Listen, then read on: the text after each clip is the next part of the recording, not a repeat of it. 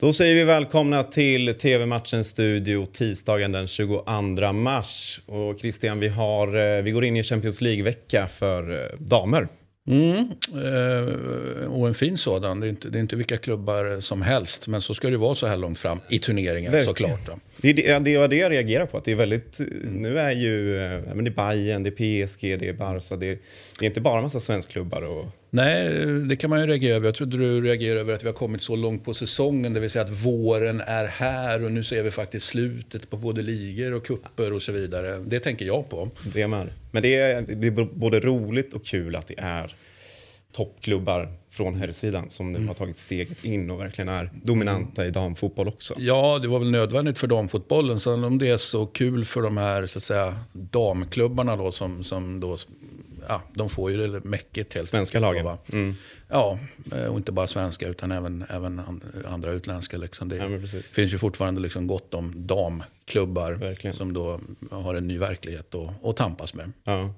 Vi kan börja med att prata om eh, Bayern München som tar emot PSG som startar 18.45. Är det något, något lag du håller en extra tumme för? Nej, men jag är ju lite...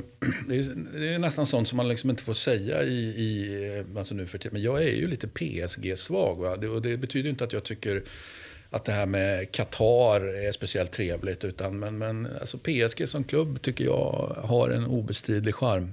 Även på här sidan? Absolut, absolut. Och, och, och, och det, jag tycker liksom att, okej, okay, Qatar-situationen är inte på något sätt bra, men, men den, den förtar inte all charm.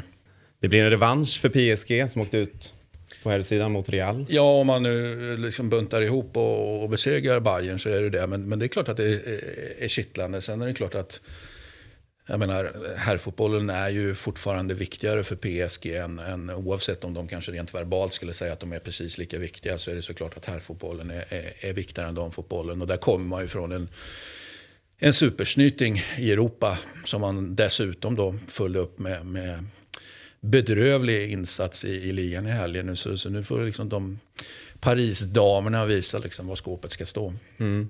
Och det hoppas jag att de gör. Det hop jag hoppas nog på Bayern faktiskt. Ja, det förvånar mig inte en sekund. Inte? Nej. Nej 18.45 startar matchen och ni ser den på Dasson. Och nu till ett eh, El Clasico, Christian. En tidig revansch för eh, Real. Som... Ja, inte dagen efter, men, men, eh, men två dagar efter. Exakt. Så ska de då tampas igen. Då. Det blir väldigt häftigt. Och, eh, här är det lite så att säga, inverterat. Jag kan ju tycka liksom att, att Real, om vi tar herrförlagan så att säga, ändå, just nu i alla fall bättre än, än, än Barcelona. Men i damfotbollen är det ju är det ju bevisligen så att Barcelona är klart bättre än, än eh, Real Madrid. Mm, här kanske man inte kan stå och säga att eh, vill Real vinna en fotbollsmatch så vinner de den. Nej, här kanske eh, Barca. nu påminner du mig om vad jag brukar säga eh, när vi pratar herrfotboll och Real Madrid. Eh, det kan jag inte säga här, utan det är väl förmodligen precis tvärtom. Att vill, vill Barcelona vinna den här så gör de det. Och det är klart att de det är klart de kommer att göra det. det, det man, man, kommer att vinna ganska enkelt dessutom. Mm. Och med hyfsat stor marginal. Exakt. Det är ju de eh, regerande mästarna eh, mm. med Fridolina Rolfö i spetsen som, tar, som möter Kanske inte, jag ska inte säga favoriten den här gången, utan men din spelare, Kosovare ja, Aslani. Ja, jag gillar ju Aslani, eh, måste jag säga. Inget emot Rolfö, men, men Aslani är lite grann de svenska så att säga, fotbollsdamerna, så, eller, eller kanske den lite tidigare generationen. Hon börjar ju bli ålderkvinna, säger man det, i, i, i, landslaget och så. Men då har jag alltid tyckt bäst om henne. Mm. Men nu kommer det ju så säga, massor med yngre spelare än Aslani. Så nu, man kanske får se det i en, eh, ja, vilken generation som man tillhör. Det dyker upp andra sköna spelare som man kanske gillar då. Hon har varit med väldigt länge nu. Ja, men det känns ju som att hon har spelat sen, sen Hedenhös. Jag håller med, det, det, det är helt otroligt. Men som hon spelar, eh, underbar känsla, underbar spelförståelse. Verkligen. I min värld inte riktigt alltid i svenska förbundskapteners världar. Nej. Rolfö har du, det är, också, det, är en, det är en favorit för mig skulle jag säga. Ja, men vad kul. Ja, så det är två... Okej, okay, då, går, då går Aslani mot Rolfö. Exakt. och jag har typ ingen chans att vinna känner jag. Men jag känner verkligen det. Ja, men vi, vi, vi pratar väl om, alltså är det inte 4-5-0 som, som gäller här? I min värld är det i alla fall. Tyvärr för dig.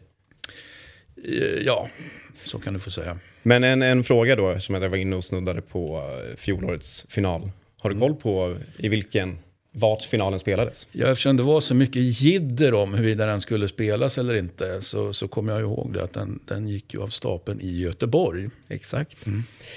Spännande. 21.00 startar matchen och ni ser även den på Dasson. Det var allt för TV-matchens studio idag, men vi är tillbaka imorgon igen. Tack!